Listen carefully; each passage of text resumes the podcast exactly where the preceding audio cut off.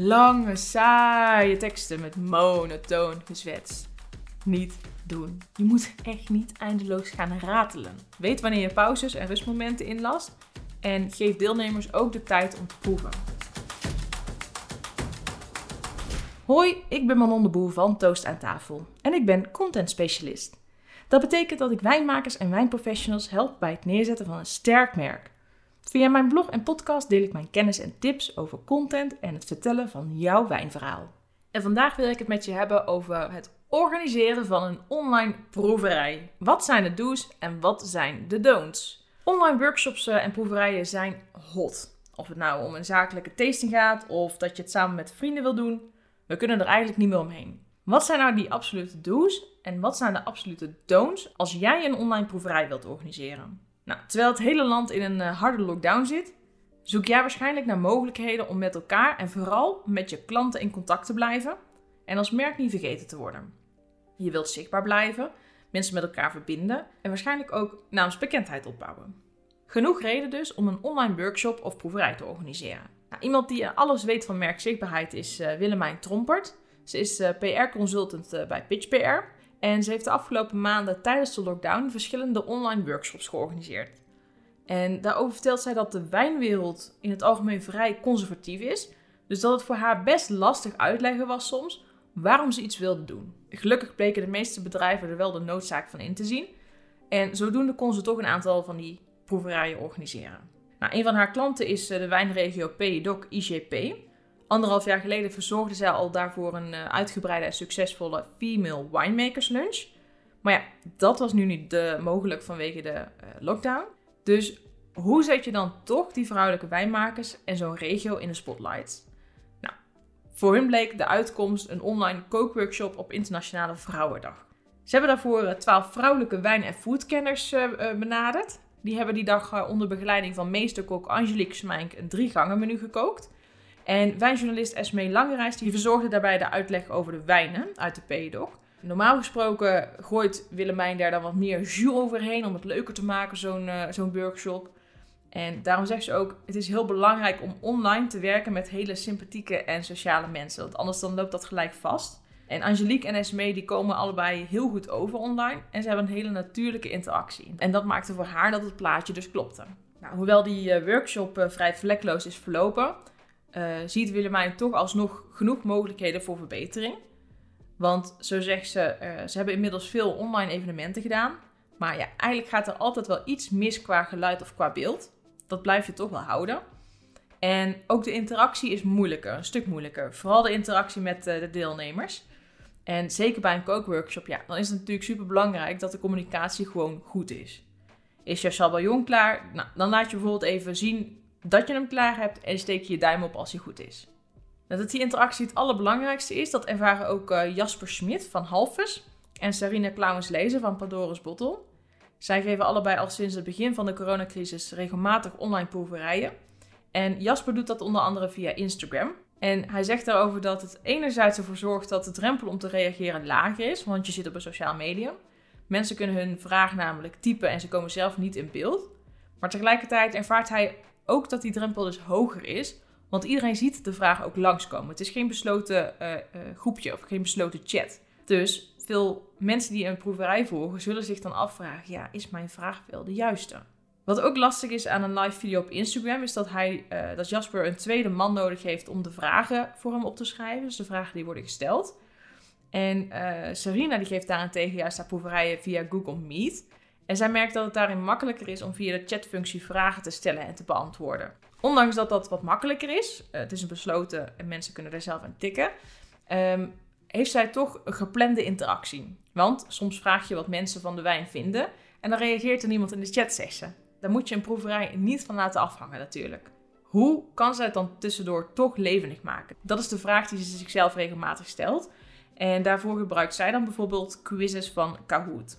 Ook neemt ze haar uh, maandelijkse themaproeverijen, die uh, filmt ze, die neemt ze op, zodat ze die content kan hergebruiken.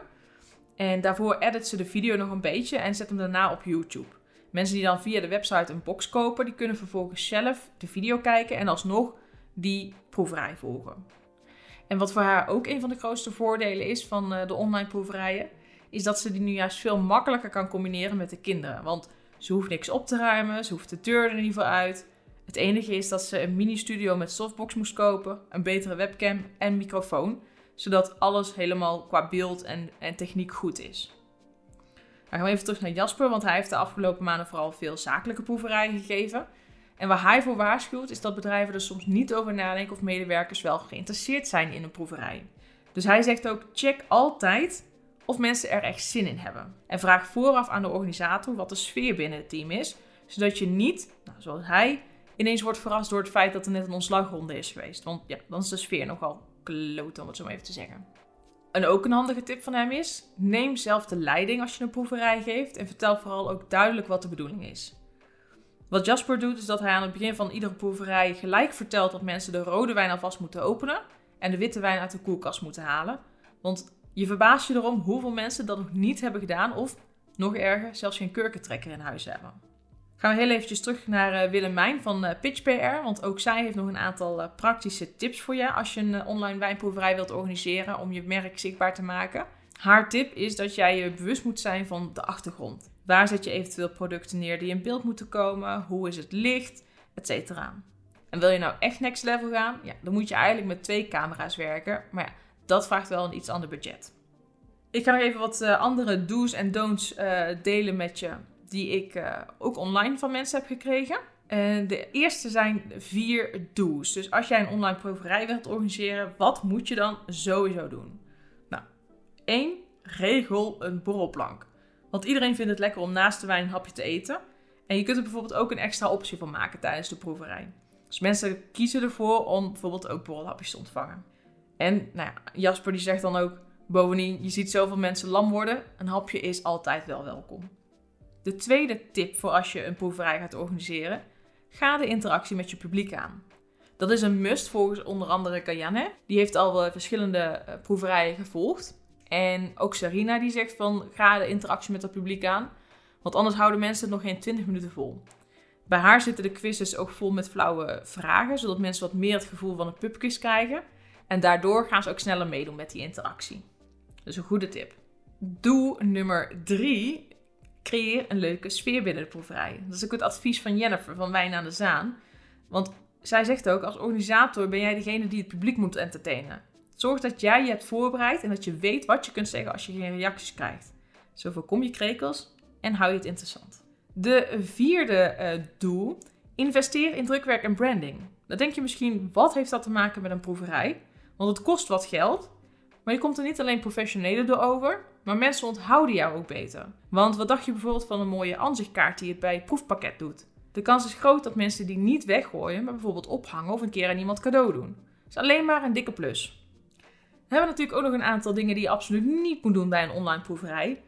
En de eerste daarvan, de eerste don't, je moet echt niet eindeloos gaan ratelen.